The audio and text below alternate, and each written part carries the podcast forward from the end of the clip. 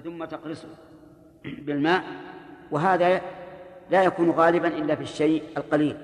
أما الشيء الكثير فلا بد من طحنه بالراحة يعني براحة اليد كلها لكن القليل هو الذي يكون بالقرص.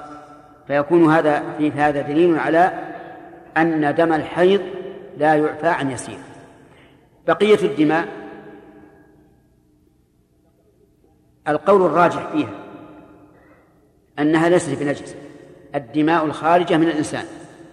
ليست بنجسة لأنني إلى ساعة هذه ما وجدت دليلا يدل على النجاسة وقد تقرر أن الأصل في الأشياء الطهارة إلا بدليل.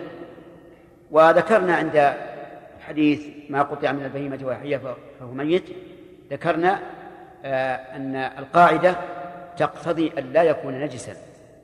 لأن طهارة الآدم لأن ميتة الآدمي طاهر. فمن انفصل منه في حياته يكون طاهرا كما لو قطعنا يدا من, من يديه مثلا أو رجلا من رجليه فهي طاهرة. وإذا قلنا بالنجاسة وهو قول جمهور العلماء والقول الذي لا يعرفه أكثر الطلبة إلا أو إلا إياه يقولون إنه يعفى عن يسير. يعفى عن يسير. فما هو اليسير؟ هل اليسير ما استسهله كل إنسان بحسبه؟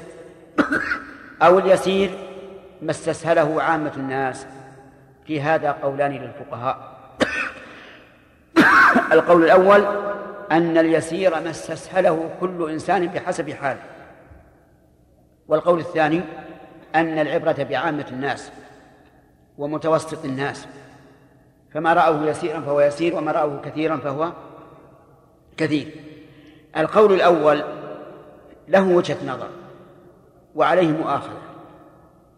وجهة النظر أن الإنسان إذا رأى أن هذا الدم الذي أصابه يسير اطمأن وصلى بطمأنينة. ولم يحصل منه قلق ولا يرى أنه قصر في شيء. فيقال أنت وأنت وربك لكن فيه مؤاخذة. المؤاخذة أن الناس يختلفون. فمن الناس من هو فمن الناس من هو موسوس. النقطة التي التي كعين الجرادة يرى أنها كثيرة. ومن الناس من يكون متهاونا. يرى النقطة التي أكبر من العصفور قليلا. وحينئذ يختلف الناس في هذا التقدير. فيكون الرجوع لأوساط الناس هو القول المتوسط. ولهذا شواهد في الشريعة. اللقطة تعرفون أنها إذا كانت يسيرة قليلة يعني فإن الإنسان يملكها بمجرد لقيها إذا لم يعرف صاحبها. طيب اليسير عند من؟ عند أوساط الناس. فالرجوع إلى أوساط الناس أمر معتبر شرعا. فيرجع في القليل والكثير إلى أوساط الناس. لا نأخذ برأي المتهاون ولا برأي الموسوس. هذا بالنسبة للدم غير الحيض.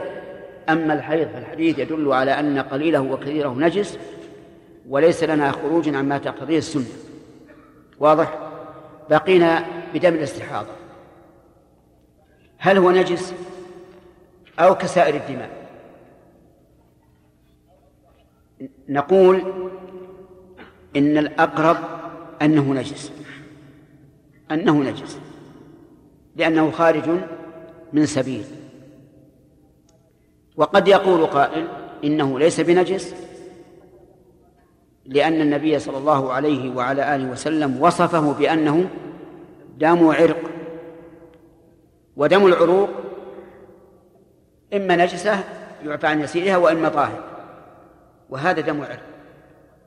فلا يكون نجسا ثانيا أن القول الراجح أن المستحاضة يجوز لزوجها أن يطأها وإباحة الوطئ له تقتضي أن يلامس النجاسة ولا بد. هذا آه الذي يرجح أنه طاهر.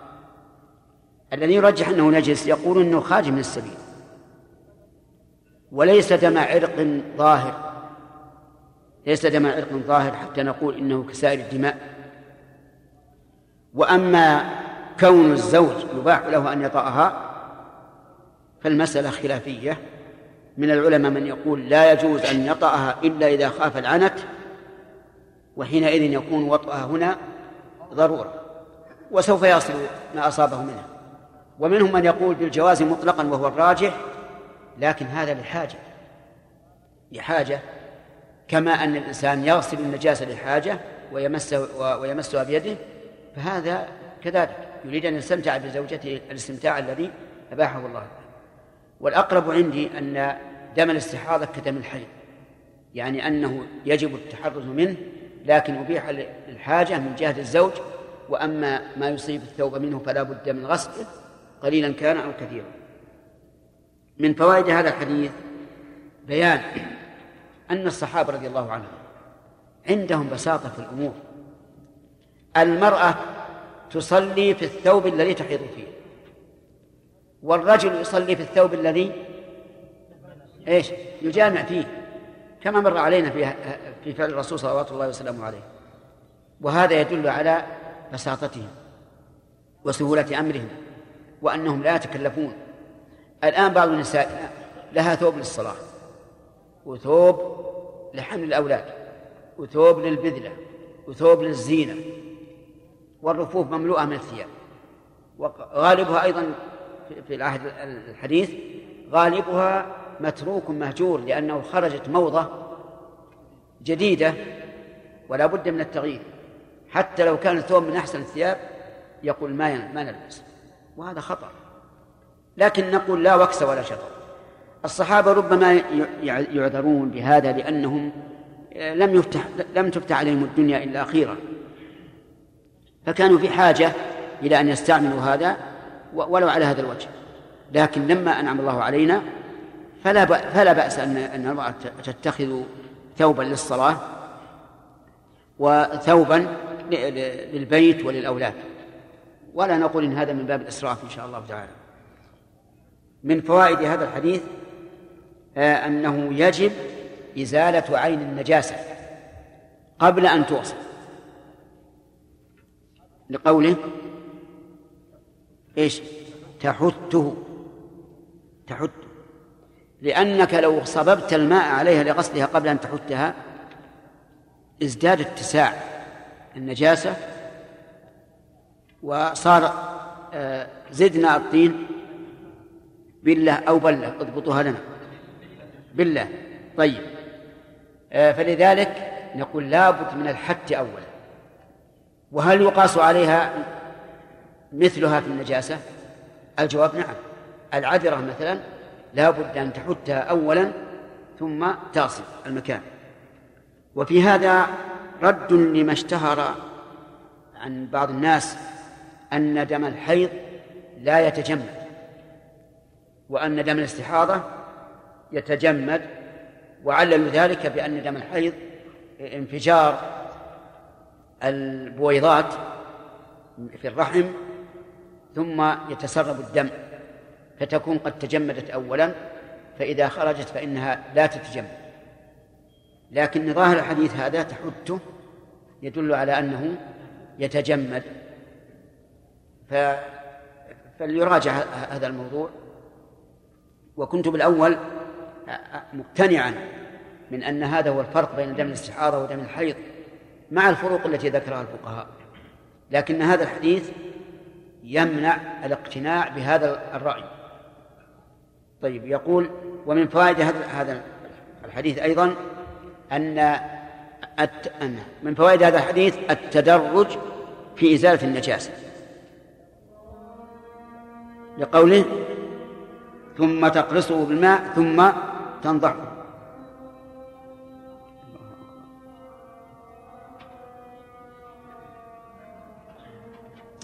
الله أكبر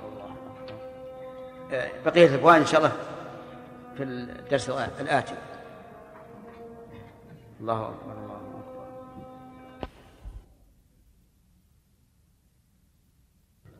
آتي محمد الوسيلة والفضيلة والآتي نعم. نعم.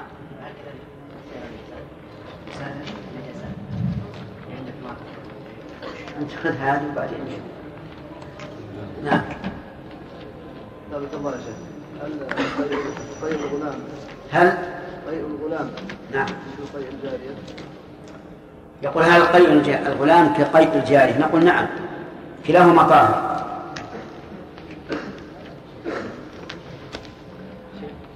نعم. لا لا استمع أي نعم. شيخ بارك الله فيكم. قول ابن مفلح ما يشكل عليه؟ ما ثبت في صحيح مسلم أن النبي صلى الله عليه وسلم من حديث جابر ان النبي صلى الله عليه وسلم نزل ثم أراق الماء. نعم. على قول ابن مفلح أنه لا يجوز إطلاقه. هذا القول وقد أطلقه. هذا ينظر فيه قبل. إيش؟ ناخذ جمل إن شاء الله ونعلق على الفروق نعم. شيخ رضي الله عنك ذكرتم جزاك الله خير انه ينظر في أواسط الناس إلى الدم المصيب للثوب هل هو يسير أو غير يسير؟ نعم. فهل ينظر إلى يعني حجم الثوب مثل نسبة إليه ولا يكون عمومي شيخ؟ كيف؟ يعني ما أصاب الطاقية مثلا أو الشماغ من الدم هل إيه. يكون الحكم عليه يسير أو غير يسير مثل ما أصاب؟ اي نعم نعم. آه، لا لا فرق. يعني كأنك تريد أن تقول الامر نسبي. يعني مثلا في الطاقية له يسير يكون كثيرا بالنسبة لما في الثوب لأن الثوب كبير. آه، عموما آه. نعم. شيخ بارك الله فيك. النضح وال- والرش وإن كان يوجد كذلك أثر له مثل اللون. بيجينا إن شاء الله. نعم. شيخ قلنا ان إن بول الغلام نجس مع أن النبي صلى الله عليه وسلم يعني نضحه نضحا. فهل إذا كانت النجاسة الشيء المتحقق من نجاسه كذا بالحيض مثلا يسيرا ينضح نضحا يكفي لا ما يكفي لابد من الغسل لماذا يا شيخ؟ فرق يعني لأن نفس طبيعة الغلام خفيف النجاسة كالمذي المذي ينضح أيضا كما مر عليه نعم شيخ أحسن الله إليك هل يجب على المستحاضة ومن كان في حكمها كمن معها نزيف المرض أن آه، تغير ما تستثمر به وكذلك تغسل ما يصيب آه، كيف؟ الملابس؟ إيش؟ هل يجب على المستحاضة نعم. ومن كان في حكمها من نزيف وغيره من مرض أن- ان تغسل أن تغسل ما تستثمر به أو الملابس التي يصيبها دم الاستحاضه أو إيه؟ نعم نعم بعد نقول النجس عند كل صلاة لا بد أن أن أن, أن تزيل عند كل صلاة لكن لها أن تجمع من أجل أن نخفف عن الأمر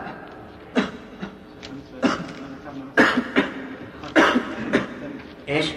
قلنا أنه هذا يدل على أن يبوس الدم الفرق بين دم الاستحاضه ودم الحيض. نعم. الأطباء يقولون إنه لا يمكن أن يتجمد لا يمكن أن يتجمد لكن يمكن أن ييبس. الفرق بين التجمد واليبوس إيه هو كل شيء يلبس لا قصدهم هم يقولون التجمد يعني أنه يصبح بعد ثمان دقائق أو عشر دقائق يتخثر مثل الدم المسفوح. نعم. من الذبيحة يتحول إلى شيء غلامي مثل الجلد نعم. أما دم ال- الحيض فلا يمكن يصير هذا لكن الحد الحد ما يدل على النجوم. لا يدل على اليبوسه لا يدل على على على كل حال إذا ثبت هذا يمكن أول الحد هنا ل- ل- مثل لكون ال- اللباس يشسف يعني ما يكون لين هذا إذا ثبت. شيخ بارك الله فيكم. إذا كان الغلام يمكن أن يعتمد تماما على يمكن. أن يعتمد تماما على الطعام نعم. ويتخلى عن اللبن لكن نعلم أنه أن أكثر طعامه أن أكثر غذاءه غذاءه اللبن. نعم. هل له الحكم لا العبرة بالأكل إذا أكل. إي نعم العبرة بالأكل سواء كان يعني سواء كان بدنه ينتبه بالحليب أكثر أو بالطعام. لأن ما لا إله إلا الله. نعم. أحسن الله ما نقيد النجاسة بأنها مخففة؟ إيه هو مخفف. ولهذا يجب فيه النظر. النجاسة المخففة هي بول الغلام بالشروط التي سمعت وكذلك المذي هذه نجاسة مخففة والنجاسة المغلظة وسيأتي إن شاء الله. النجاسة المغلظة نج- نجاسة الكلب النبض اشترط الخاطر ولا نعم؟ النبض اشترط الخاطر أن يقطر الماء لا مو شرط الغسيل ولا لا لا يشترط. انتهى الوقت.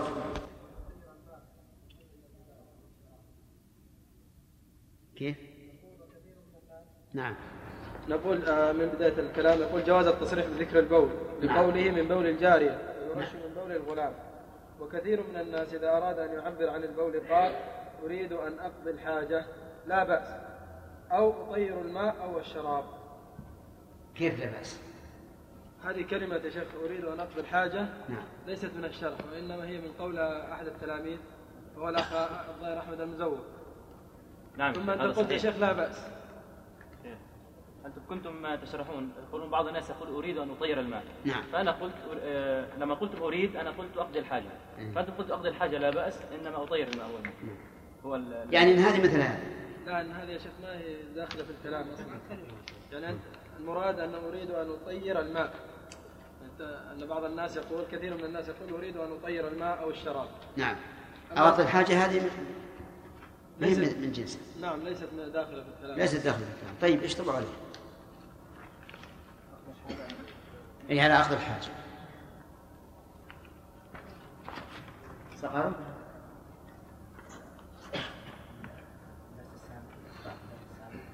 مئة وثمانية عشر. السطر العاشر؟ نعم. نعم. في بعض الأحاديث لكن ليست في مسلم. آه. اللي في مسلم عكس عكس ما قل لو نص أنه غير ما ولم يقل آه، أراق الماء. إيه. لكن فيه بعض الأحاديث في المسند والسنن. نعم. أقرأ بعضها. بس طيب هات واحد. بسم الله الرحمن الرحيم. روى الإمام أحمد في المسند قال حدثنا علي بن إسحاق أخبرنا عبد الله أخبرنا ابن لهيعة عن عبد الله بن هبيرة عن حنش عن ابن عباس أن رسول الله صلى الله عليه وسلم كان يخرج فيهريق الماء فيتمسح بالتراب فأقول يا رسول الله إن الماء منك قريب. فيقول وما يدريني لعلي لا أبلغه. الحديث رواه رواه ابن المبارك أيضا في الزهد وصححه الشيخ أحمد شاكر في تحقيق المسند وصححه الشيخ الألباني في السلسلة الصحيحة.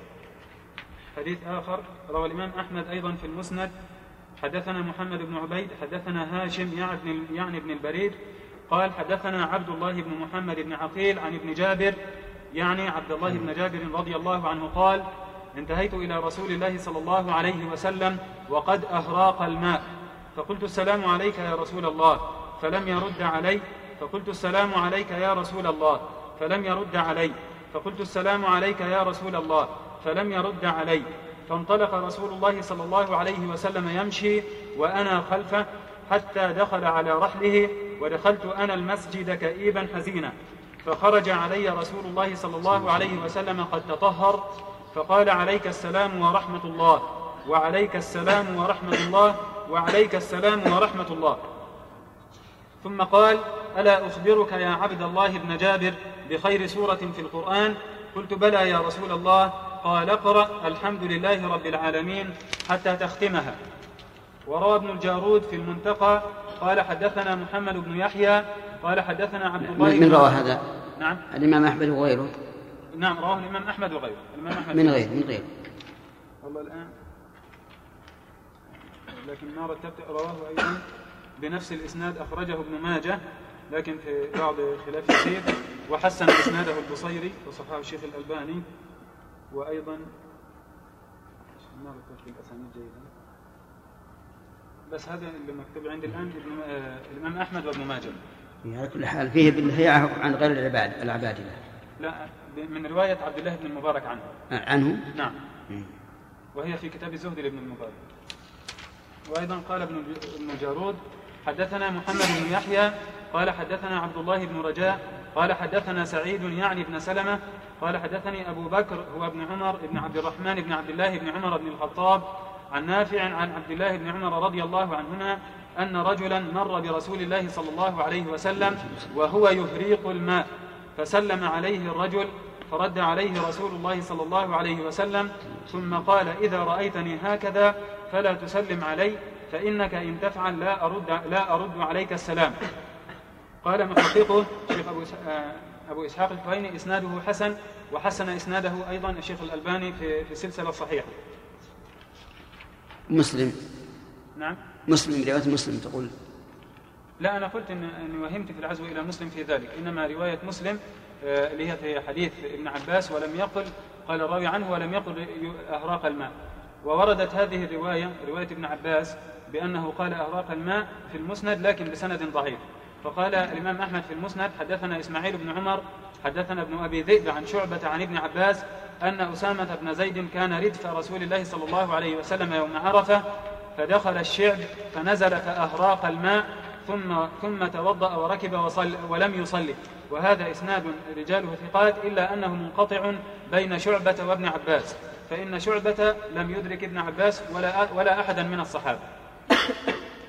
نعم. وورد أيضا نفس الحديث من من طرق أخرى في المسند لكن كلها منقطعة. مسلم ما نقلته؟ رواية مسلم. لا أسماء كنت أكملت البحث بعد ما رتبته على كل حال يحتمل إن هؤلاء الرواة رواه بالمعنى. أما هذا صالح أعطاني نسخة عن كريب إنه سأل أسامة بن زيد كيف صنعتم حين ردفت رسول الله صلى الله عليه وسلم عشية عرفة فقال جئنا الشعب الذي الناس فيه للمغرب آه الذي الناس فيه للمغرب لعله أناخ فأناخ رسول الله صلى الله عليه وسلم ناقته وبال وما قال أهرق الماء ثم دعا بالوضوء فتوضأ وضوءا ليس بالبارد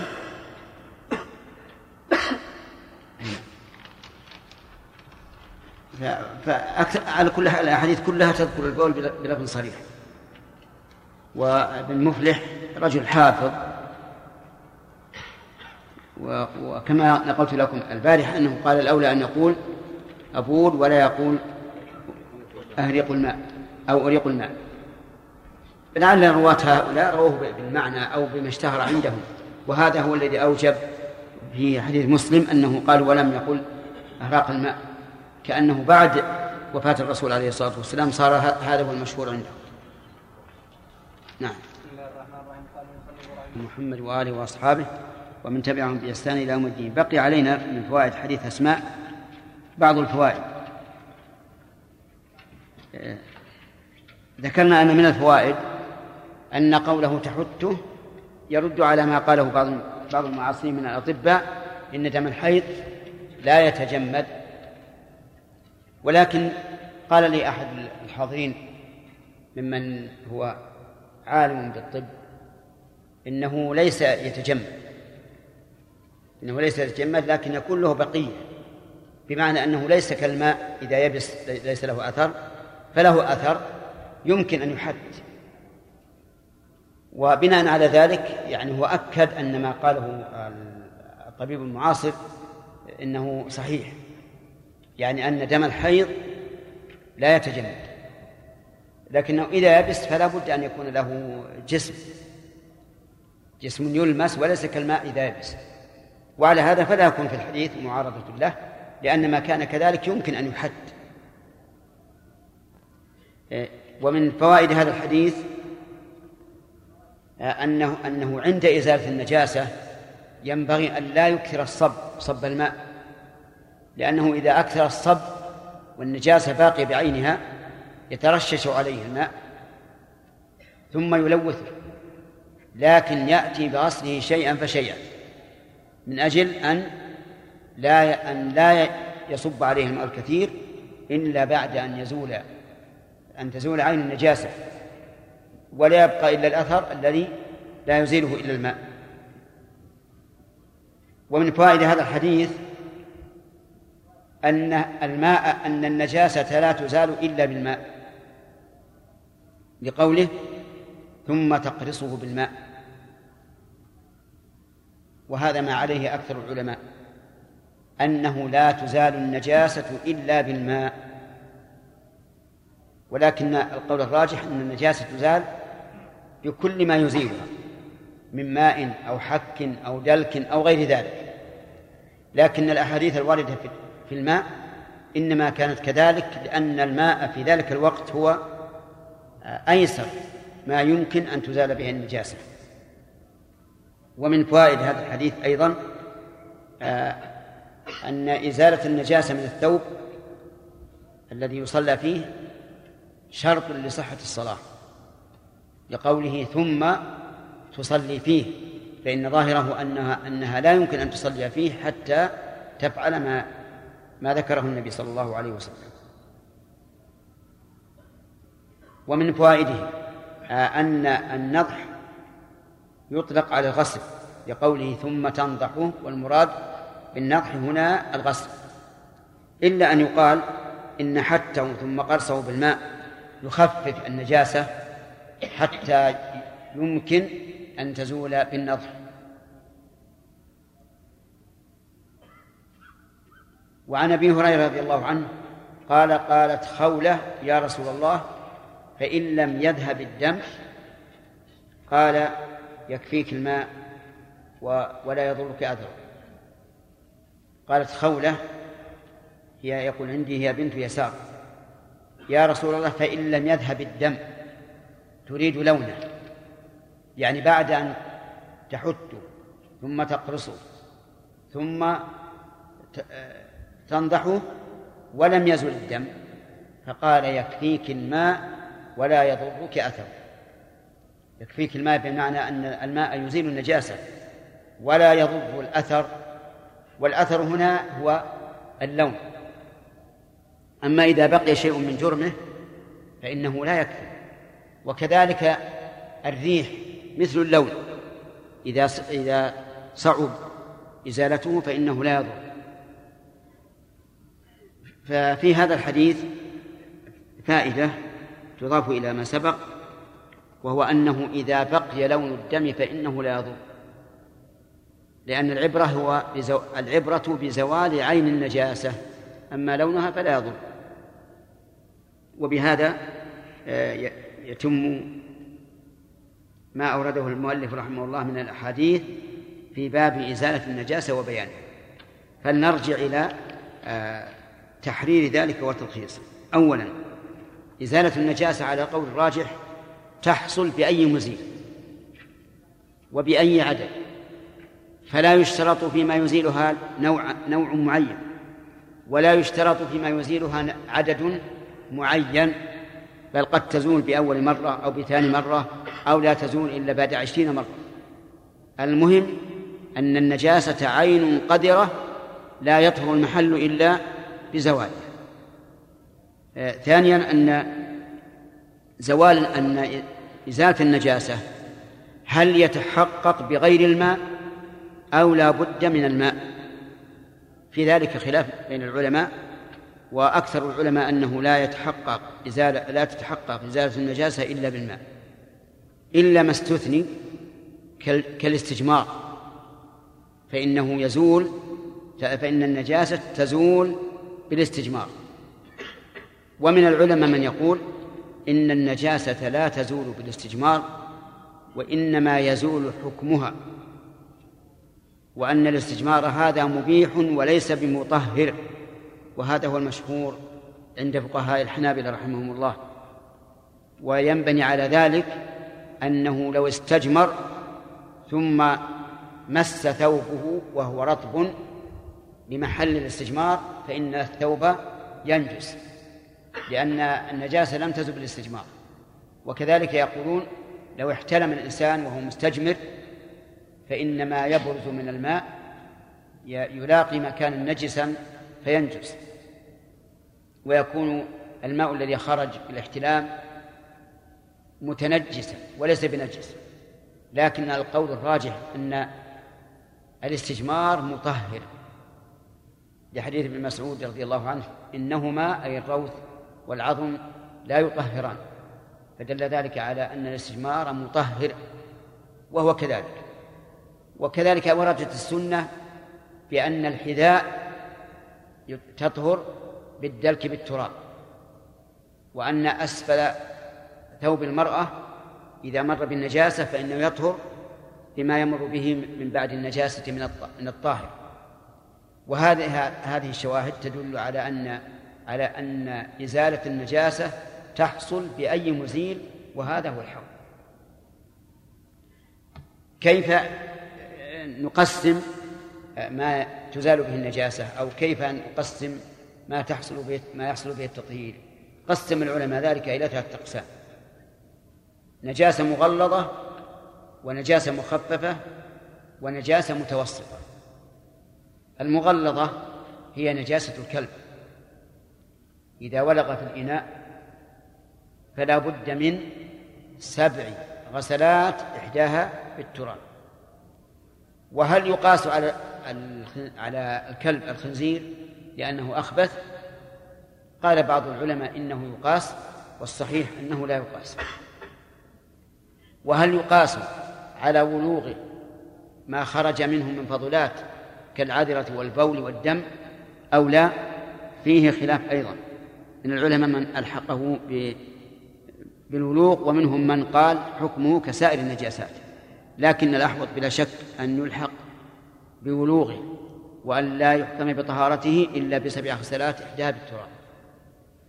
النجاسة المخففة هي نجاسة بول الغلام الذي لم يأكل الطعام يعني لم يفطن بعد. هذه مخففة يكفي فيها النضح وهو صب الماء عليها وإن لم يتقاطر منها وإن لم يدلك وإن لم يغسل. وكذلك على قول الراجح المذي يكفي فيه النضح كبول الصغير. لأن المذي آه، حاله أو طبيعته بين المني والبول. فأعطي حكما بين حكمين. أما المتوسطة فهي ما سوى ذلك. مغلظة ومخففة ومتوسطة. ما بين ذلك فإذا عرفت آه، ما المغلظ والمخفف وقلت ما بين ذلك فهو المتوسط فهذا يشمل جميع النجاسات. فكيف تطهر المشهور من مذهب الحنابلة رحمهم الله أنه لا بد من سبع غسلات؟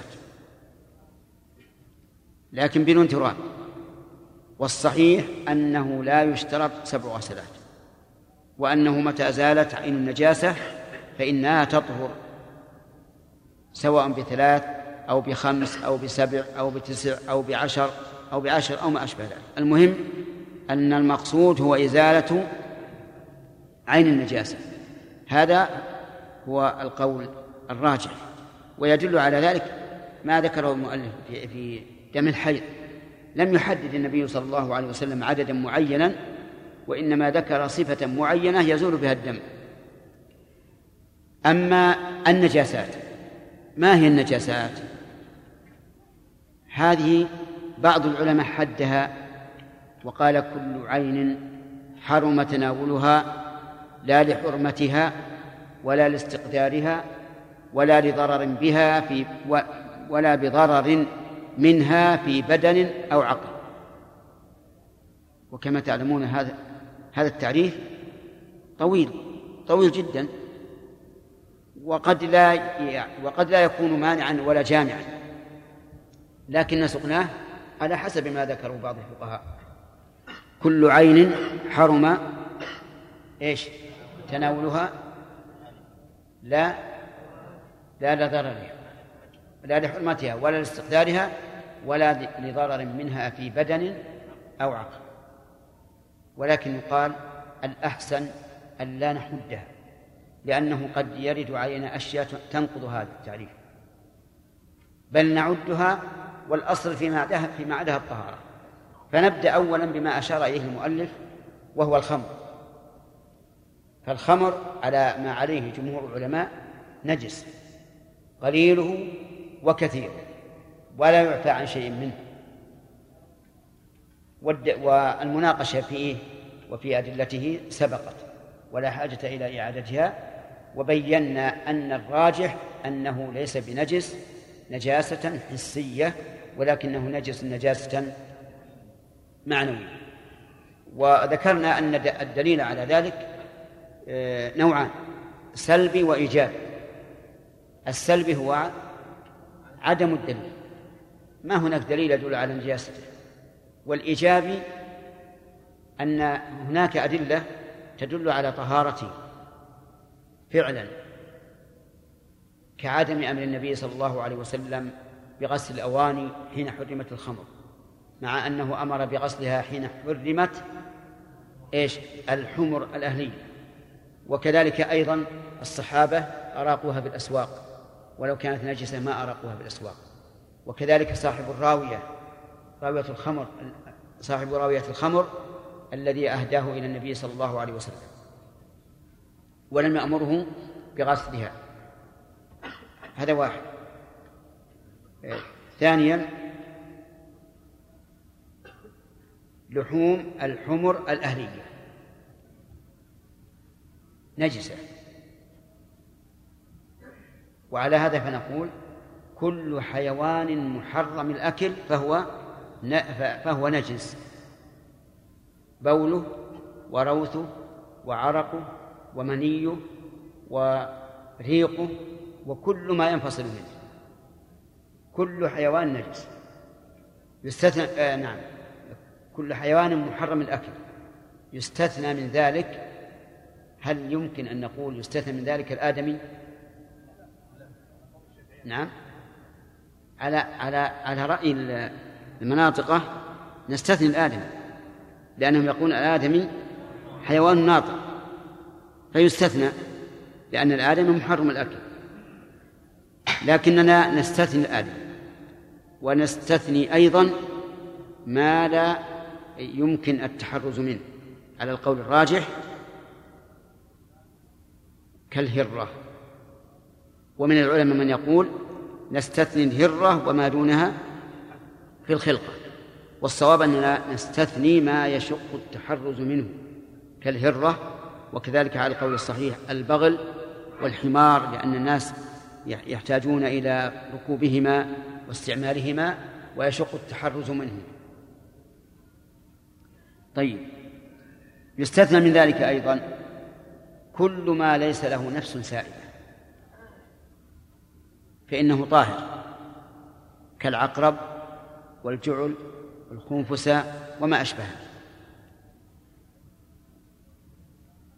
طيب إذا نأخذ من حديث أنس بن حمر أن كل حيوان محرم الأكل فهو نجس. يستثنى من ذلك الآدمي. ثانيا ما لا يشق التحرز منه كالهرة. آه، نعم ما يشق ما يشق التحرز ما يشق التحرز منه كالهرة ونحوها. ثالثا ما لا نفس له سائلة أي ما ليس له دم يسير. طيب آه، هذا الصنف الصنف الثالث الميتات. الميتات كل ميتة فهي نجسة. كل ميتة فهي نجسة. إلا ما ما سيستثنى يستثنى من ذلك ميتة البحر. لأنها حلال ويلزم من الحل أن تكون طاهرة. يستثنى من ذلك ميتة الآدمي. فإنها طاهرة لأن المؤمن لا ينجس حيا ولا ميتا. يستثنى من ذلك ميتة ما ليس له نفس سائلة. كالذباب والبعوض والعقرب والصارور وما أشبه ذلك هذه أيضا ميتتها طاهرة ودليلها حديث الذباب أن الرسول عليه الصلاة والسلام أمر إذا وقع في الشراب أن يغمس وهذا يلزم منه الموت إذا كان الشراب حارا أو دهنا ونحوه كم هذه؟ هذه ثلاثة أنواع من النجاسات. رابعا بول وروث ما لا يؤكل لحم. بول وروث ما لا يؤكل لحم. مثل إيش؟ بول الحمار روثه البغل روثه السباع أرواثها كل هذه نجسة. ولا يستثنى من هذا ما يشق التحرز منه. وعلى هذا فأبوال السنانير وأرواثها إيش؟ نجسة. استثنى بعض العلماء ما لا يمكن التحرز منه وما كان يسيرا.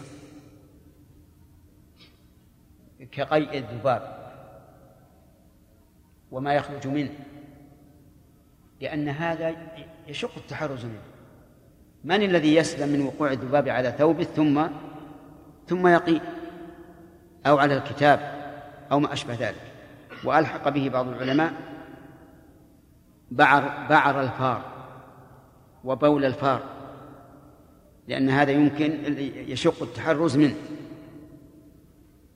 ولكن الذي يظهر أنه نجس يمكن أن يقال في الذباب ونحوه لكثرة وروده على الإنسان وتردده عليه أنه يعفى عن عما يخرج منه على أن الذباب أيضا إذا كانت ميتته طاهرة وليس له نفس سائلة.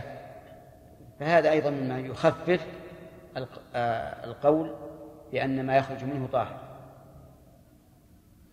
طيب عرق الحيوان. عرق الحيوان المحرم الأكل نجس. وما يخرج منه من أنفه أو فمه نجس. إلا ما يشق التحرز منه. كإيش؟ كالهرة. وعلى القول الصحيح الحمار والبغل. وما يشق التحرز منه فإن هذه الفضلات عن الريق والعرق والمخاط هذه طاهرة. طيب. آه، ما يخرج من الإنسان يدخل في بأي قاعدة مما ذكرنا؟ ما لا يؤكل. فبوله نجس وروثه نجس ومنيه على القول الراجح طاهر. وإن كان بعض العلماء قال أنه نجس لأنه من الفضلات لكن الصواب أنه طاهر. استثنى بعض العلماء رحمهم الله من ذلك آه، ما يخرج من النبي عليه الصلاة والسلام. من بول أو أو أو غائط وقال إن بول النبي صلى الله عليه وسلم وغائطه آه، ليس بنجس. ولكن هذا ضعيف جدا لأن هذه من الطبائع البشرية. وقال النبي وقد قال النبي صلى الله عليه وسلم إنما أنا بشر مثلكم ثم إن الرسول عليه الصلاة والسلام يستنجي ويستجمر. وقال لابن مسعود لما أتى بالعظم والروث قال إنهما لا يطهران. وهذا يدل على أن بوله وروثه نعم أن بوله وغائطه عليه الصلاة والسلام كغيره من الناس. وهذا هو الصواب. أما عرقه فعرقه طاهر.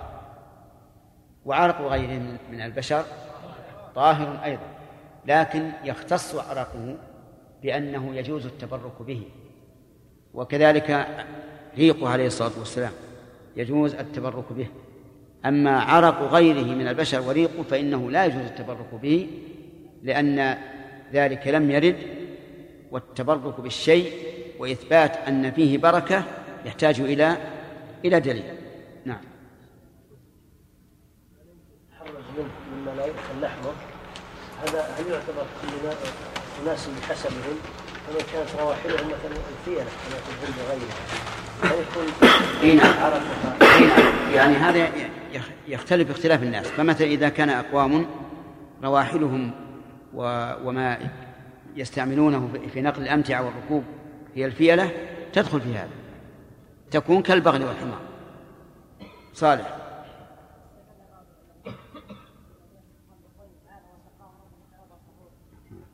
نعم. ما هو صحيح؟ الشراب الطهور فسره الله بالقرآن فقال لا فيها غول وله معنى ينزفون فالطهارة هنا طهارة معنوية بخلاف الخمر. ثم أحكام الآخرة ما تقاس بأحكام الدنيا. نعم؟ نعم. يمكن نقول شيخ لا مفهوم ولا لأنه أبلغ في الامتنان. إيش؟ يعني يمكن أن نقول مثلا شيخ يعني لأن أبلغ في الامتنان. طهورا إيش؟ لأنها؟ أبلغ في الامتنان فلا مفهوم له إي نعم. يمكن هذا؟ يمكن هذا يمكن هذا. لكن هي كلها ما فيها دليل اطلاقا. وكيف ان نأتي مثلا يعني سبحان الله العظيم وهذا من مفاسد اعتقد ثم استدل كيف نأتي بهذا الدليل المحتمل اللي ما فيه دليل إلا من وجه بعيد؟ إن كان وعندنا أدلة صريحة. نعم.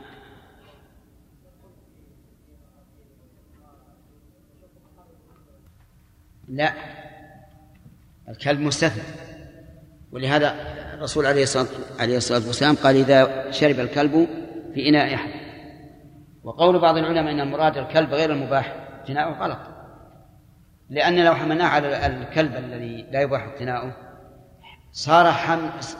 حملنا الحديث على الشيء النادر الممتنع شرعا وتركنا الشيء الكثير المباح شرعا.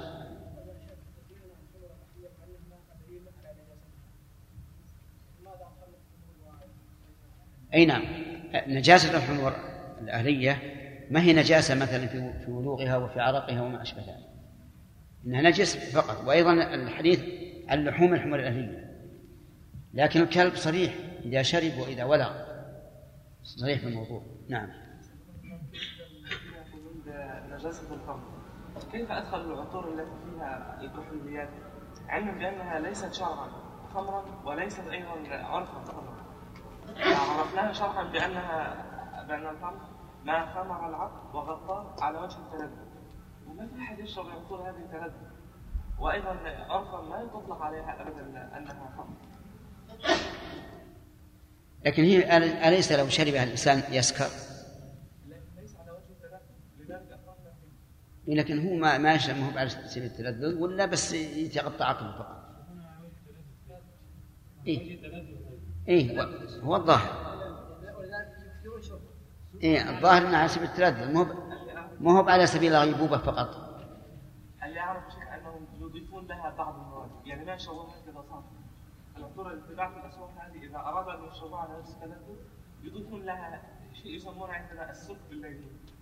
فهذا يعني يغير طعمه نهائيا ف يعني بهذا هل يخرج؟ هل إيش؟ إي نعم. الذين يقولون بهذا يقولون هذا حرام بيعه حرام واستعماله حرام. يرون هذا. يرون نجس ولهذا سيلحق الناس من الحرج والمشقة شيء عظيم. والشيخ محمد رشيد رضا رحمه الله شدد في هذا الأمر. وقال كيف نحرم هذا الذي يعده الناس طيبا ويتطيبون به؟ ولا أحد يعده للشراب إلا إلا إلا سفيه. الله أكبر الله أكبر. الله آت محمد الوسيلة والفضيلة وبعثه مقاما محمودا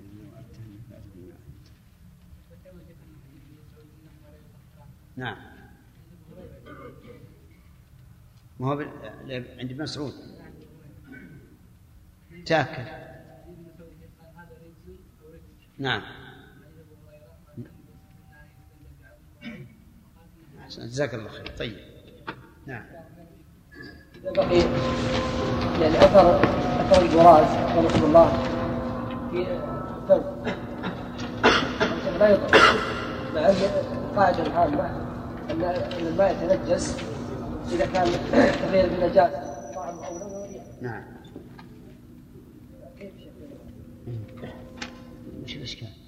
باقي باقي وين فيه؟ اذا معنى ما طهر. إلا اذا إذا عجز إيه إذا عجز إذا عجز لا بأس. لأن أحيانا ما, ما يروح أبدا لا, لا سيما في الثوب. ما يروح. الجلد يمكن يروح. يطيب يطيب يطيب الثوب أي لا يطيب. الأصل باقي الريحة باقية لكن هذا الطيب مثل يغطي. نعم. أحسن الله إليك شيخ. قول النبي صلى الله عليه وسلم تحته ثم تقرصه بالماء ثم تدلكه ثم تصلي فيه. هل يستفاد أن لو سقط واحد من هذه الثلاثة لا يدخل الثوب؟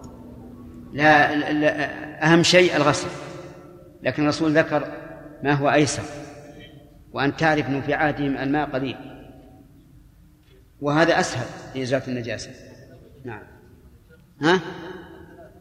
لا مو شرط لو أنها غسلته على طول وجعلته تحت البزبوز مثلا كفى.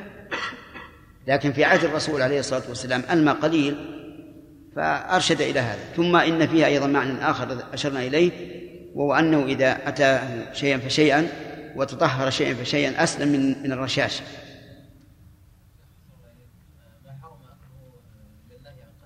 نعم.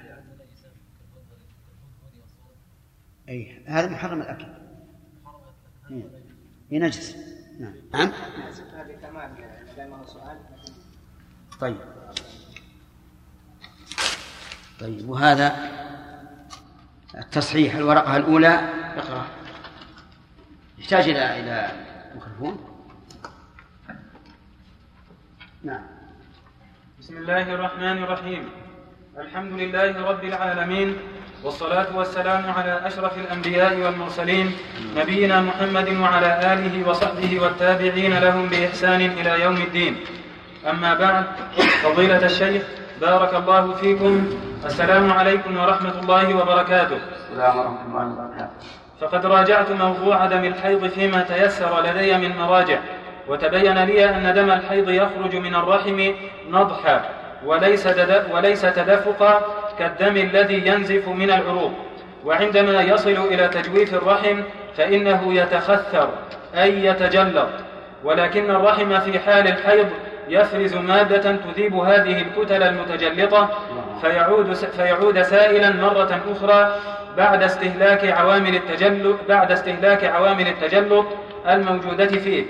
الأمر الذي يجعله لا يتخثر مرة ثانية عند خروجه من الرحم.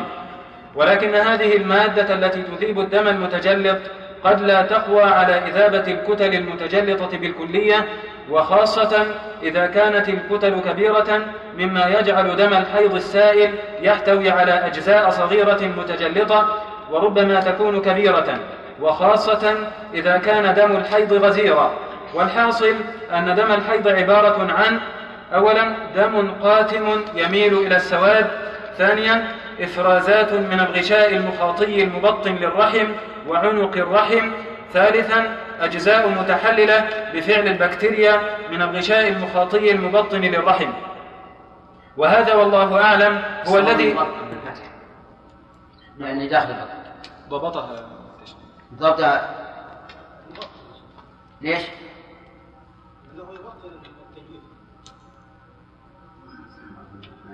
هي الظاهر. كلمة مش يعني مضبوطة عندكم ولا مغطى أحسن؟ يعني في بطن الرحم. نعم. نعم. وهذا والله أعلم هو الذي يجعل دم الحيض منتنا وغليظا. رابعا أساسا سائل ولكنه يحتوي على كتل صغيرة متجلطة وربما تكون كبيرة إذا كان دم الحيض غزيرا. وبناء على ذلك فإن قول الأطباء إن دم الحيض لا يتجلط مبني على أنه قد تجلط أولا في تجويف الرحم وتم إذابته كليا أو جزئيا على النحو الذي بينته آنفا فلا يتجلط فلا يتجلط ثانية خارج الرحم ولا ينفي ذلك وجود بعض الأجزاء المتجلطة التي لم يتم إذابتها. وإذا كان ذلك كذلك فإنه لا يعارض قول الرسول صلى الله عليه وسلم في الحديث الذي معنا حديث أسماء بنت أبي بكر رضي الله عنهما في في دم الحيض يصيب الثوب تحته ثم تقرصه بالماء ثم ثم تنضحه ثم تصلي فيه. أما بالنسبة للاستحاضة فإن أسبابها كثيرة جدا ويمكن أن نحصرها في, في مجموعتين رئيسيتين. المجموعة الأولى ويكون السبب فيها خللا بالهرمونات التي تتحكم في الحيض ويكون الدم النازل في هذه الحال ناشئا كمنشأ الحيض. وربما لا تستطيع المرأة أن تميز بينه وبين دم الحيض تمييزا صالحا.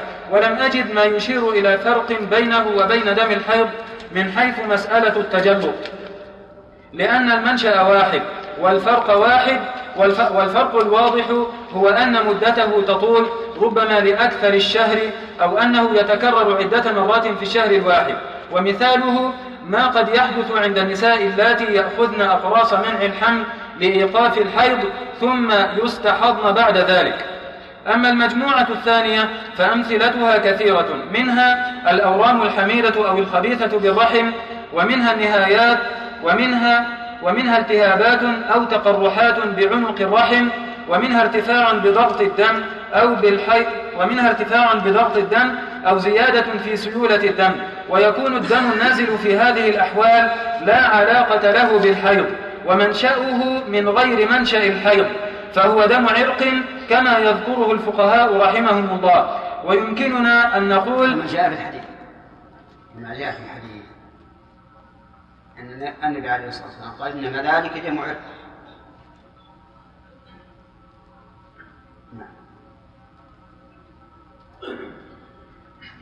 فهو دم فهو دم عرق كما جاء في الحديث. ويمكننا أن نقول بأنه يتجلط خارج الرحم بخلاف دم الحيض. وبناء على ذلك فإنه لا يمكننا أن نعتبر مسألة تجلط الدم مسألة تجلط الدم فرقا يعتمد عليه للتمييز بين دم الحيض والاستحاضة مطلقا. بل ينبغي التنبه للتفصيل المذكور هذا ما وقفت عليه. فإن كان صوابا فمن الله وبتوفيقه وإن كان خطأ فمني. والله تعالى أعلم. وصلى الله وسلم وبارك على نبينا محمد. رشاد بن زارع. بارك الله شو ما يصور؟ ما يصور شيخ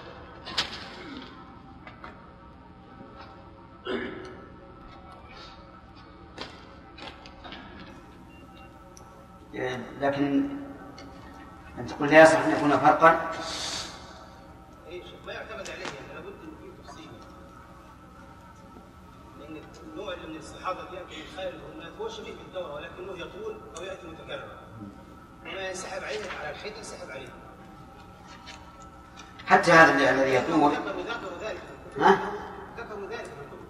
الذي يطول هذا يكون استحاضة وتجلس عادتها فقط. هل تعلم أن نصوره؟ شيخ نعم. إن شئتم هذا. طيب. وهناك نقطة أخرى ذكروها لم يعني اكتفيت بهذا وهو أن دم الحيض أيضا يمكن أن يتجمد تجمدا آه، ضعيفا بفعل العوامل الأخرى غير عوامل التجمد. فأنا اكتفيت بالإيه بالأجزاء المتجمدة الموجودة من الأصل. فيها رد يعني. تكون ضعيفة يعني الإجابات؟ لا، ضعيفة ويمكن تفتيتها أما الجلطة اللي هي بعوامل التجلط لا يمكن تفتيتها تكون متماسكة وقوية يعني. طيب يقال سؤال الحمد لله رب العالمين وصلى الله وسلم على نبينا محمد وعلى آله وأصحابه ومن تبعهم بإحسان إلى يوم الدين. كون الشريعه الإسلامية تحث على التخلي عن النجاسة، ماذا يدل عليه؟ نعم يدل على وأن ما يستقدر شرعا أو طبعا فإنه أحسن. بارك الله فيك. طيب.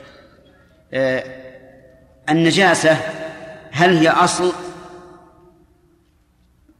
بمعنى أن نحكم على الأشياء بأنها نجسة أو أن الطهارة هي الأصل؟ وهو هي الأصل. الطهارة هي الأصل. ما الدليل؟ الذي قول تعالى هو الذي خلق لكم ما جميعا. الدليل قوله تعالى هو الذي خلق لكم ما في الأرض جميعا. طيب. وسياق الآية في الامتنان في الامتنان. ولا يمكن إلا سياق الآية الامتنان فعلى هذا نقول الأصل أن كل ما في الأرض فهو طاهر حلال لنا. نعم. بارك الله فيك. طيب. آه لماذا ساق المؤلف رحمه الله حديث أنس في باب إزالة النجاسة وبيانها في في الخل يتخذ خمرا. نعم. إلى الرياض قول بعض قول بعض العلماء يا شيخ أن أن الخمر نجس. نعم. نجس النجاسة الحسية. أي نعم. ولكن الخمر. ما إلى الآن إذا لهذا السبب أي نعم. بناء على أن الخمر نجس النجاسة. نجس نجاسة حسية فيحتاج إلى إزالة بالماء. طيب. كيف يتخذ الخمر خلا صالح؟ بالتخليل كيف التخليل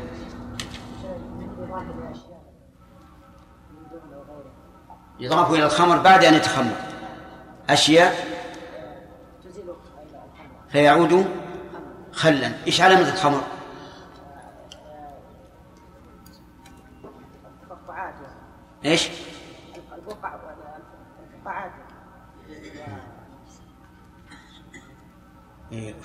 البقع يعني مثلا لو لو سقط به شيء؟ لا ها. أي نعم. إنه ينتفش. نعم. ينتفش وي- ويأخذ حيزا أكبر مما كان فيه آه. وتظهر عليه البقايا تمام.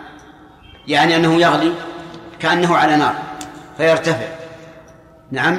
ويكون عليه كما ذكرتم شيء من الفقاعات وإذا عاد خلا هبط ونزل. أحيانا ينزل إلى إلى إلى أدنى من الثلث أو قريبا منه. طيب آه، هل ما ذهب إليه المؤلف أو ما أشار إليه المؤلف من أن الخمر نجس نجاسة حسية هل هذا صواب أو غير صواب؟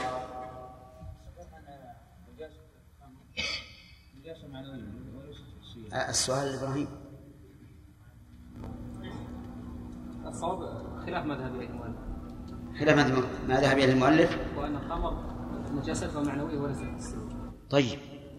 هكذا؟ نعم. تخالف الجمهور؟ للأدلة. هناك دليل إيجابي ودليل سلبي. يعني هل أسألك هل تخالف الجمهور أو لا؟ لوجود الدليل. أسألك هل أنا ما سألتك لماذا؟ أسألك هل تخالف الجمهور أو لا؟ قول الجمهور له وجهات ولكن لا حول ولا قوة كيف تقول الصحيح مما تحاول إنك تتهرب؟ لا مخالفة الجمهور يا شيخ صعبة لكن ما دام ما دام الحق بين ما ما يصعب صحيح ان أن الجمهور إذا كانوا على قول فلا ينبغي الإنسان أن يتسرع في العدول عنه لكن إذا بان الامر نعم. ما مثل يا شيخ يجرؤ على مخالفة الجمهور؟ لا ما في شيء. ما في شيء. إذا معناه أنك أنك الآن متوقف. لا ها؟ لا الدليل دل على الطهارة. إذا تقول أنه طاهر. نعم. والجمهور يقول نجس. ما نبي لها طيب آه، ما هو الدليل على نجاسته؟ عند رأي على رأي الجمهور. شيخ أنت. أولا عدم الدليل على النجاسة. لا ما هو الدليل على نجاسته؟ عند الجمهور. أمر النبي صلى الله عليه وسلم بإراقتها. أمر النبي صلى الله عليه وسلم بإراقته. وقول الله تعالى قبل ذلك قول الله تعالى آه، إنما الخمر والميسر والأنصاب والأز- والأزلام رجس من عمل الشيطان. نعم. وقال في و... والرجس هو النجس. النجس. طيب. الدليل على أن الرجس هو النجس؟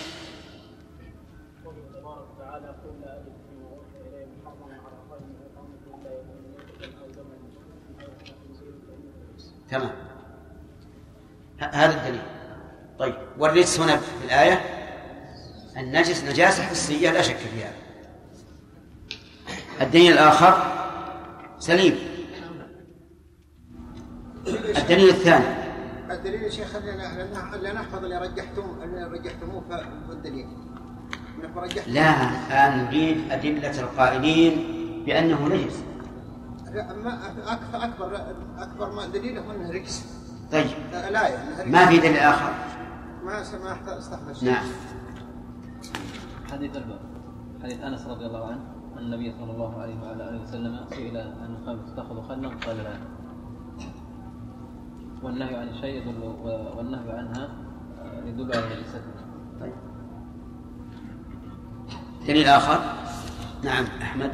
صلى الله عليك. قد يكون أحدهم من الآية من قوله تعالى يحل لهم الطيبات ويحرم عليهم الخبائث وقالوا أن كل محرم فهو خبيث من اي نجس هذا قريبا من ما ذكر. نعم.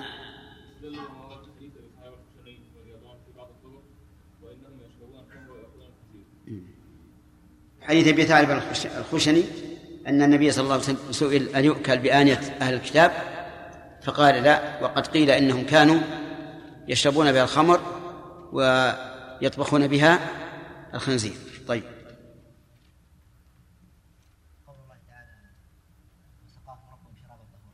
قوله تعالى وسقاهم ربهم شرابا طهورا. نعم. نعم. نعم. لا هذه على العكس. وفي حديث وفد عبد القيس وأنهاكم عن أربع فذكر النبي صلى الله عليه وسلم الدباء والمزفت الانت- الانتباه في الدب اي نعم يا شيخ. فبما أن يعني النبي صلى الله عليه وسلم نهى عن الانتباه في هذه الأشياء دل دل دل هذا الأمر على نجاسة الخمر طيب إذا الآن لابد أن نرد هذه الأدلة ثم نذكر أدلة القائلين بالطهارة حتى يتم الاستدلال. عندك شيء؟ ها؟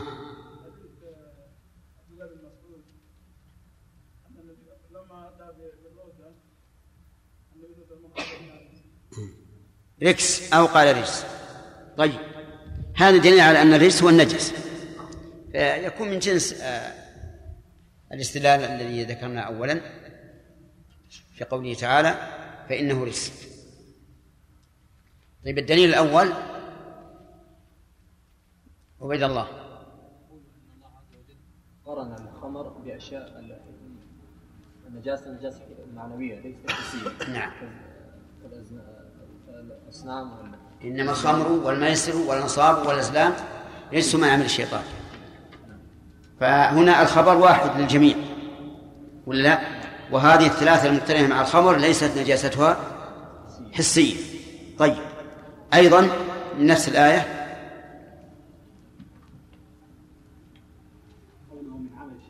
رجس من عمل الشيطان. نعم.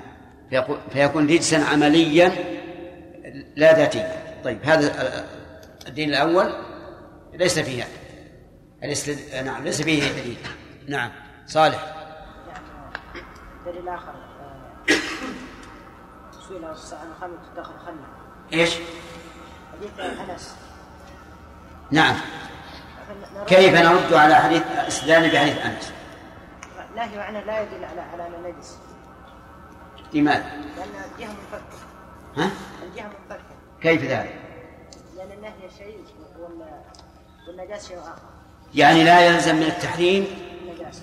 النجاسة. إذا ليس كل محرم نجسا وكل نجس فهو محرم كما هو القاعدة المتفق عليه. طيب. نعم.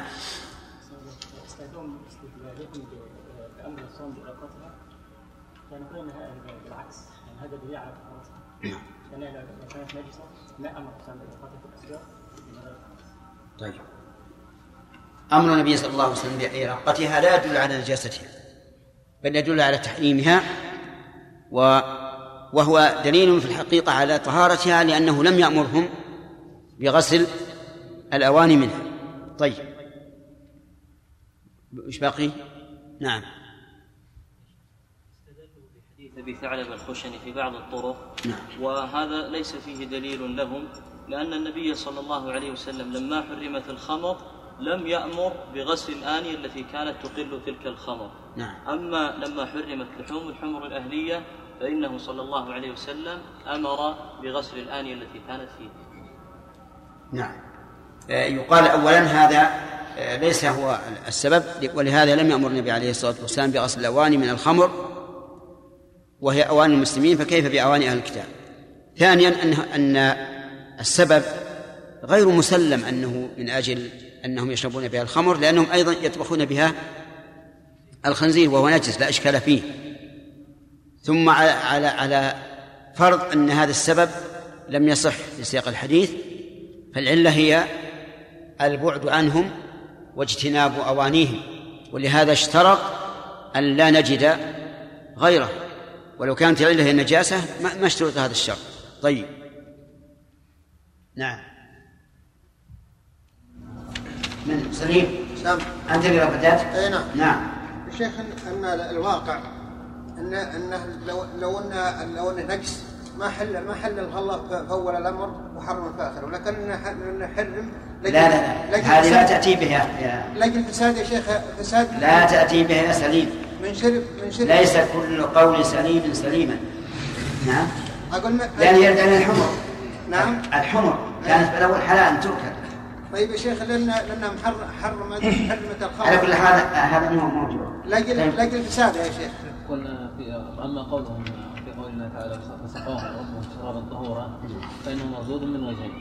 الوجه الأول أن الله تعالى فسر الطهورية هنا بأنه لا غول فيها وهم عنها ينزفون والوجه الثاني أن هذه خمر الآخرة والمتحدث عنه هو خمر الدنيا وأحوال الدنيا لا تقاس على حال الاخره الآية التي استدلوا بها وس- وسقاهم ربهم شرابا طهورا. نقول إن الله فسر الطهور. في آية أخرى أنها خالية مما يضر بالعقل أو بالبدن لا فيها غول ولا هم عنها ينزفون.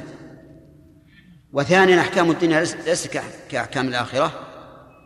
فلا يعتبر مفهوم هذا آه، ساريا إلى أحكام الخمر في الدنيا. وش آخر ما هنا؟ نعم. يريد الشيطان أن يوقع بينكم العداوة والبغضاء. ويصدكم عن ذكر الله لا. في الخمر والميسر على كل حال ما دام الآن الأدلة التي استدل بها من قال بالنجاسة تبين أنه لا دلالة فيها. فنحن الآن هل نحتاج إلى دليل يثبت الطهارة؟ ها؟ لا لأن الأصل الطهارة. لكن مع ذلك هناك أدلة تثبت الطهارة. نعم.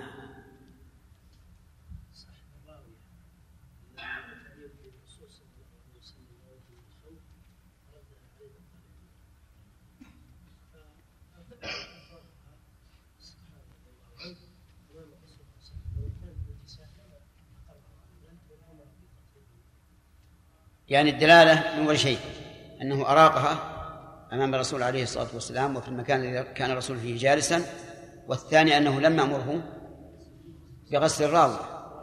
طيب إذا حديث الراوية أن رجلا أتى براوية من خمر إلى الرسول عليه الصلاة والسلام بعد أن حرمت فأهداها إليه فقال إنها حرمت فلما قال هكذا ساره رجل من الصحابة فقال له النبي صلى الله عليه وعلى آله وسلم بما سررته قال قلت بعها قال إن الله إذا حرم شيئا حرم ثمنه ثم إن الرجل أفرغها فك حل وكاءها وأفرغها أمام النبي صلى الله عليه وسلم ولم يأمره بغسلها طيب هذا دليل واضح. وأما يعني أواني الخمر لم يأمر الرسول بغسلها أيضا فهو دليل. لكن للمعترض أن يقول أن يقول إن هذا الخمر وضع في الإناء وهو طاهر قبل أن يحرم. فيقال إن التحريم قد يكون قبل أن يضع يضع هؤلاء خمورهم في أوانيهم نعم. انتهى. ظهر واضح. أخذ ما يمدينا. على كل حال ما دامت الأدلة على نجاستها تبين أنه ليس فيها دلالة فنحن لا نحتاج إلى إثبات أنها طاهرة. لكن مع ذلك نزيد كلما زادت الأدلة زاد الحكم ثباتا. طيب. الحمر الأهلية. آه، هل لها مفهوم؟ الحمر الأهلية. آدم؟ ها. مفهوم الدليل على أن الحمر الوحشية حلال. وش الحمر الوحشية؟ حمار الوحشي المعروف يعني حمار معروف. معروف والوحشي هو يعني لونه بعضه أبيض وبعضه يعني وبعضه أسود أو أحمر يعني مخطط. إذا مخطط إذا كل حيوان مخطط فهو حمار أهلي. كذا؟ هل يستقيم هذا المعنى؟ لا لا يستقيم. إذا الحمار الوحشي هو نوع من الصيود البرية. متوحش لا يألف الناس ولا يألفونه. وهو في الحقيقة هنا في السعودية ما هو موجود. ما أدري يعني في أفريقيا يمكن قد يكون موجودا نعم. لكن سابق كان موجودا بكثرة. نعم. ها؟ إلا هو يقول أنه مخطط. وبعضهم يقول أنه أبيض. لكن لأكثر أنا سمعت أنه مخطط. لا لا. رأيته أين؟ رأيته في في بعض المزارع الحدائق التي يضم فيها هنا؟ الحيوانات. لا في البلاد. في البلاد. لا بلاد إفريقيا لا تسأل عنها. ما شاء الله. طيب على كل حال لماذا لماذا قال لماذا كان النهي عن هذه اللحوم؟ اللي في الخلف يا أخي اسعفون جزاكم الله خير. اللي في الخلف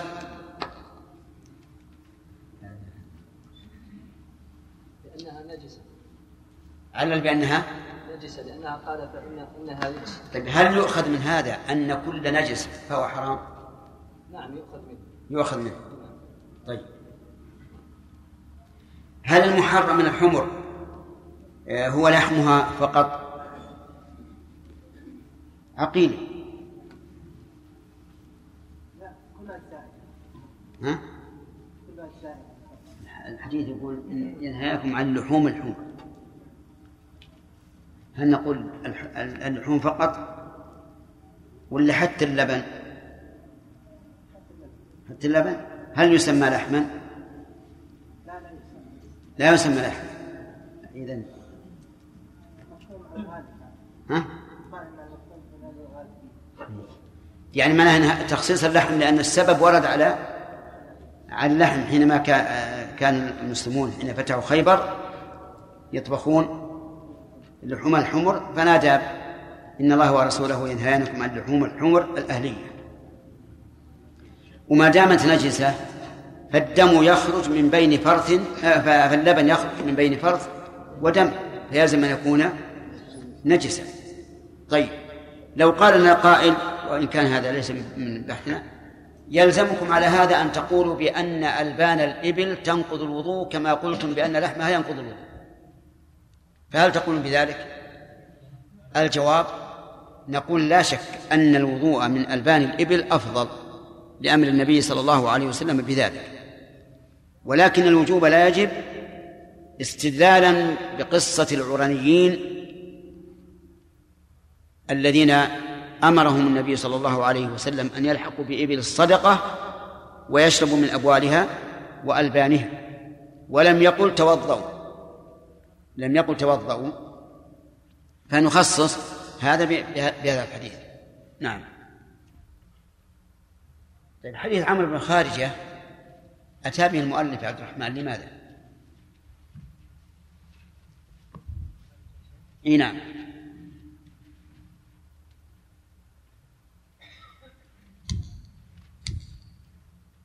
يحيى على أن لعاب ما يؤكل لحمه. على أن لعاب لحمه خطأ. على أن لعاب. إيه. ها؟ فهو لعابها يسير على كتفه إيش؟ ولعابها يسير على كتفه إيه هذا لكن على أن لعاب إيش؟ ما يؤكل لحمه هل قال إن إنه آه، سال على على بدنه؟ لعاب ما يؤكل لحمه. لا قال راحلته إذن نعم. أتى به المؤلف ليستدل بها على أن لعاب الإبل طاهر. طيب كيف الدليل؟ أو كيف الاستدلال؟ رحمك الله. لأن النبي صلى الله عليه وسلم أقره. أقرهم إذا قال لك القائل هل تشهد أن الرسول رأى لعاب لعابها يسير على كتفه اي نعم لأنه حتى لو لم يعلم اصبر لا. هل تشهد على هذا؟ هل تشهد؟ على أن النبي صلى الله عليه وسلم رأى لعاب راحلته يسير على كتف عمرو؟ لا تشهد. إذن في احتمال. وإذا وإذا وجد الاحتمال بطل الاستدلال. آه، كيف تجيب عن هذا؟ أجيب عن هذا الشيخ لو لم يعلم النبي صلى الله عليه وسلم فرضا فإن الله سبحانه وتعالى عالم. نعم. يعني أجيب بأن أولا هذا أمر بعيد. أليس كذلك؟ وثانيا على فرض أنه لم يكن الرسول عليه الصلاة والسلام يعلم به فإن الله قد علم به وأقره بارك الله فيك. إذن آه، هل نأخذ من هذا قاعدة؟ نعم. أنت. لا اللي قبلك لا على الشمال هل نأخذ من هذا قاعدة؟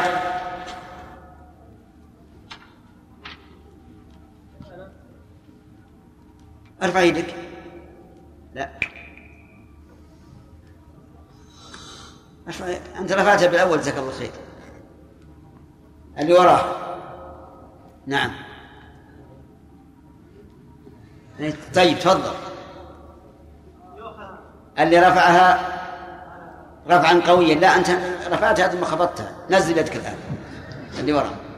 نعم يؤخذ ان نعم يؤخذ من هذا ان ما حدث على عهد الرسول صلى الله عليه وسلم آه، ولم ينهى عنه عليه الصلاه والسلام ف- ولم ينزل به القرآن؟ طيب هذا طبعا هذه قاعدة أصولية. لكن قاعدة فقهية أن جميع ما يؤكل لحمه من الحيوان فلعابه فلعابه طاهر. ومن أجل ذلك ساقه المؤلف هنا. لكننا ذكرنا في الشرح أنه لا حاجة إلى ذلك إلى الاستدلال لأن الأصل الطهارة. نعم بارك الله آه، ذكرنا أن الذي يخرج من الإنسان من ذكره ينقسم إلى أقسام. إلى أقسام. نعم.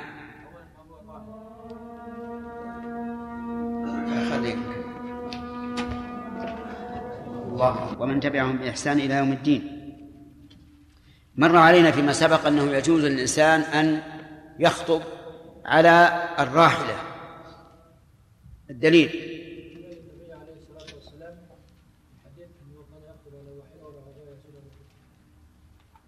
ولا يشترط شيء لهذا؟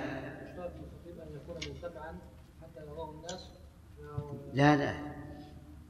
يعني مثل كونه على البعيد هل يشترط أن لا يشق عليها أو يفعل وإن شق؟ ألا يكون فيه مشقة على البعيد. طيب. ما هي الحكمة من كون الرسول صلى الله عليه وسلم خطب على البعيد؟ نعم. ها؟ يبرز للناس ويراه ويراه الناس فيكون انتفاعهم بكلامه أكثر يعني.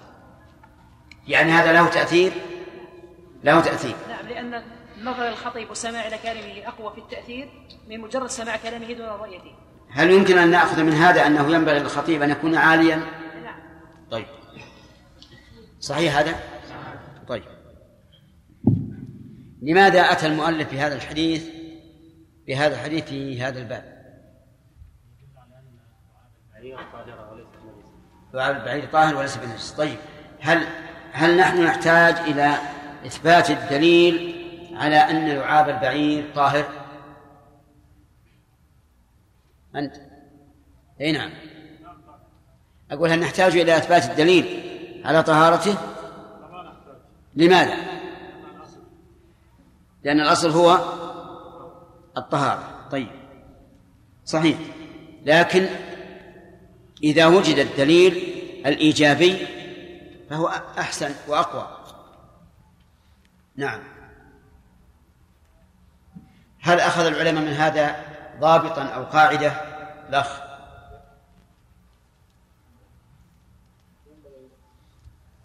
امشي كل لا لا لا. في مسألة اللعاب.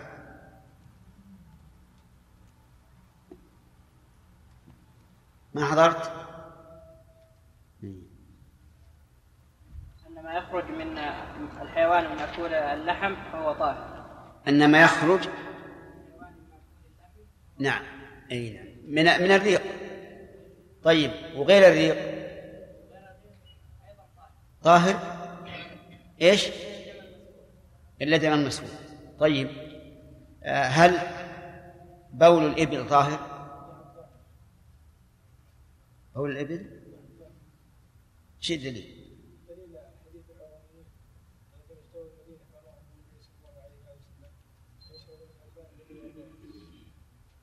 وجه الدلالة طيب نعم وجه ذلك أن الرسول صلى الله عليه وعلى آله وسلم أذن للعرنيين الذين اجتأوا المدينة أن يشربوا من أبوال الإبل وألبانها ولو كان نجسا ما أمرهم به لأن النجس حرام. ما هو المني الطاهر؟ أي نعم. المني الطاهر.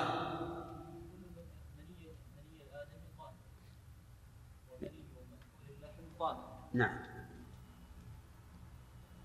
ها. وغير مأكول لحم.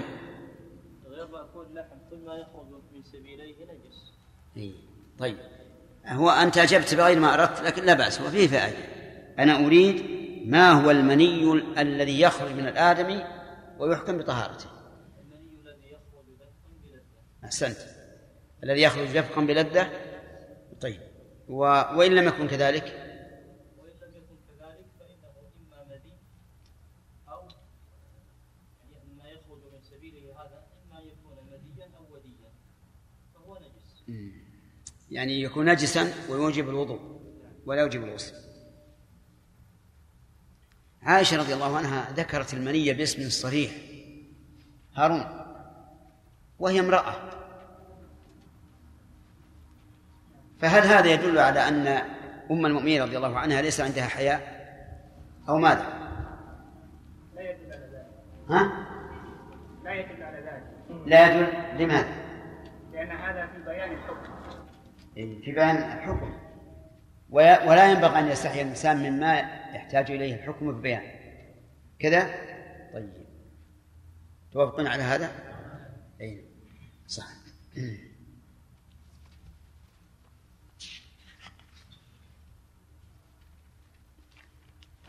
في حديث ابن عمر يقول أحلت لنا ميتتان ودمان. كيف؟ آه رجعنا آه،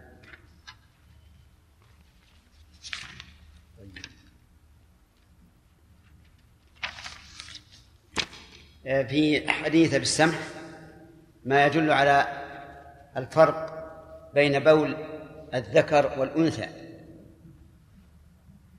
نعم.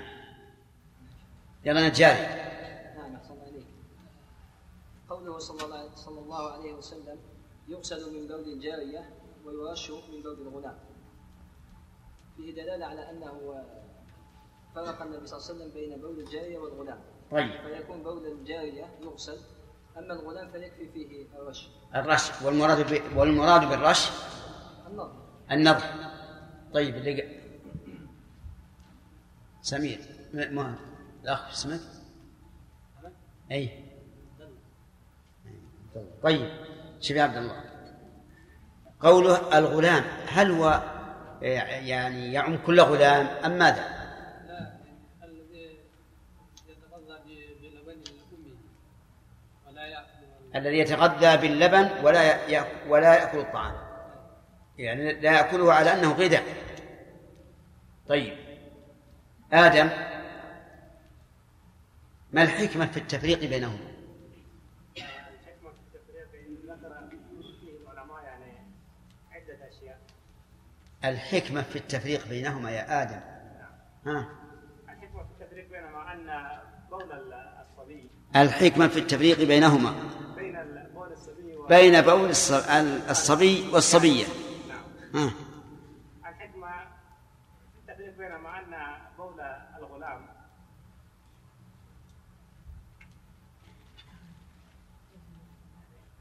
لأن ال- الحكمة الحكمة في التفريق بينهما يعني أن بول ال- الغلام. يخرج الحكمة في التفريق بينهما. نعم.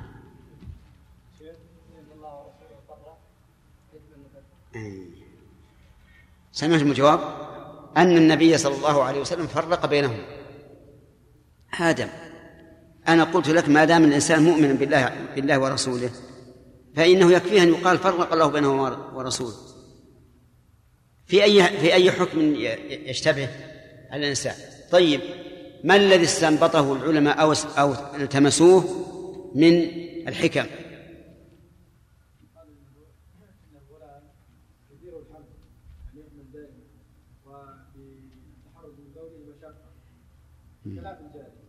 أي نعم. يعني قالوا إن غالبا أن الذكر يكون أغلى عند أمه أو أهله من من ال- الأنثى فيكثر حمله فلذلك خفف فيه. طيب هذا نعم سليم.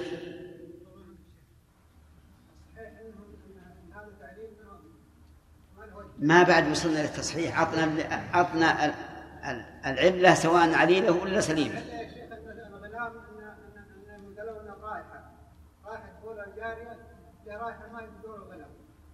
يعني أن نجاسة بول الجارية أغلظ من نجاسة بول الغلام بدليل اختلافهما في الريح. طيب بارك الله فيك وعلة أخرى أن البول الغلام يخرج من أنبوب آخر الثوب بضيق فينتشر فيكون إزالة يعني أشق بعكس يعني يكثر إصابة إصابة يكثر إصابته للثوب والبدن بخلاف الأنثى. فلوحظ التخفيف فيه. تمام؟ طيب. آه، هذه علل. ذكرنا أن بعضها قد يكون مقبولا وبعضها غير مقبول. سامح. نعم العلة الصحيحة المقبولة بعد كون هذا هي أن بول الغلام أخف نجاسة من بول الجارية وذلك لأن الغلام يتغذى باللبن واللبن ليس له سفل كسائر الطعام. فإن انضاف إلى هذا حرارة الغلام فإنه يجعل بوله أخف نجاسة من بول الجارية نعم. ويستدل على ذلك بأن رائحته أقل خبثا من رائحة بول الجارية نعم. يعني معناه إن إن بول الجارية أشد خبثا من بول الغلام. والشريعة الإسلامية يراد بإزالة النجاة منها هو إزالة المؤذي والأذى والقدر.